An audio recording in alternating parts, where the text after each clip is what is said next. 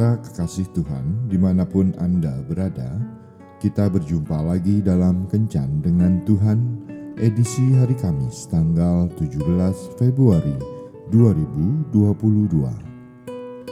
Dalam Kencan kita kali ini, kita akan merenungkan ayat dari Ibrani bab 13 ayat 5 sampai 6. Janganlah kamu menjadi hamba uang dan cukupkanlah dirimu dengan apa yang ada padamu. Karena Allah telah berfirman, Aku sekali-sekali tidak akan membiarkan engkau, dan aku sekali-sekali tidak akan meninggalkan engkau. Sebab itu dengan yakin kita dapat berkata, Tuhan adalah penolongku, aku tidak akan takut. Apakah yang dapat dilakukan manusia terhadap aku?' Sahabat kencan dengan Tuhan yang terkasih. Seseorang memasuki ruang praktik dokter dan mengatakan bahwa ia mengalami depresi. Dunia memperlakukannya dengan kejam dan ia merasa seorang diri. Dokter itu berkata, "Pergilah melihat pertunjukan badut yang diperankan oleh Pak Laci. Kamu akan merasa lebih baik."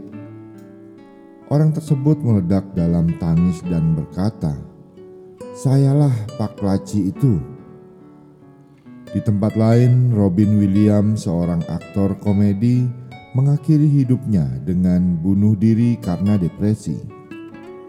Ia menghibur hati begitu banyak orang dengan leluconnya, namun tidak mampu menghibur dirinya sendiri yang gundah gulana ia menjalani kehidupan dengan berjubahkan badut yang menunjukkan wajah yang gembira, namun di dalamnya penuh duka dan keputusasaan. Sebuah surat kabar menyatakan, bagaimanakah hal ini dapat terjadi? Betapa mengejutkan, memilukan, dan sebuah kehilangan yang besar. Setiap hari ia membuat orang-orang di sekitarnya tersenyum. Namun dari hari ke hari ia makin tenggelam dalam kehampaan hidup. Apakah pelajaran kehidupan yang dapat kita ambil dari kisah tragis kehidupan aktor komedi ini? Depresi adalah keadaan mental seseorang yang kehilangan gairah hidup karena tekanan persoalan dalam sebuah interview, Robin Williams mengatakan, "Arahkan pandanganmu pada dunia dan lihatlah betapa kehidupan terkadang terdampar pada situasi yang mengerikan dan harus menghadapi ketakutan yang ada. Bagaimana kita dapat mencapai kebahagiaan jiwa di tengah-tengah dunia yang membawa kita pada keputusasaan?" Pertama, kita harus memiliki kekuatan untuk bertahan dengan tidak membiarkan persoalan membuat kita terpuruk. Ketika Yosua harus berjalan menduduki tanah Kanaan yang jauh lebih kuat, Tuhan berkata, "Kuatkan dan teguhkanlah hatimu."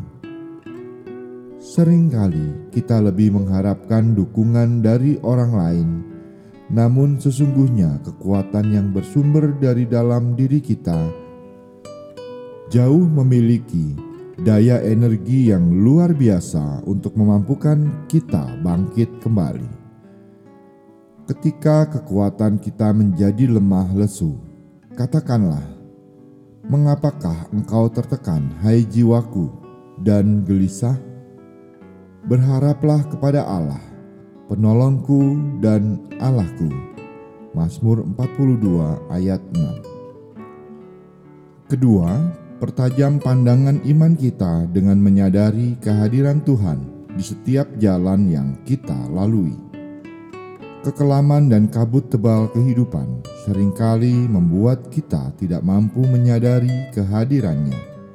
Kita menangis dalam kepedihan hati dan menjerit di hadapan Tuhan di manakah Engkau, Tuhan?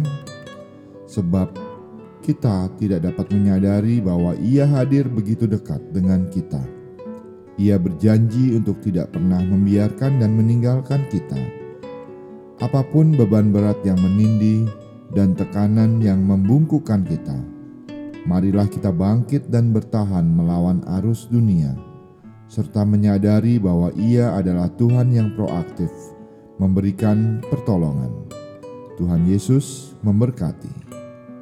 Marilah berdoa. Tuhan Yesus, aku bersyukur bahwa Engkau selalu hadir di dekatku. Buatlah aku menyadarinya, sehingga aku tetap tegar ketika menghadapi masalah. Amin.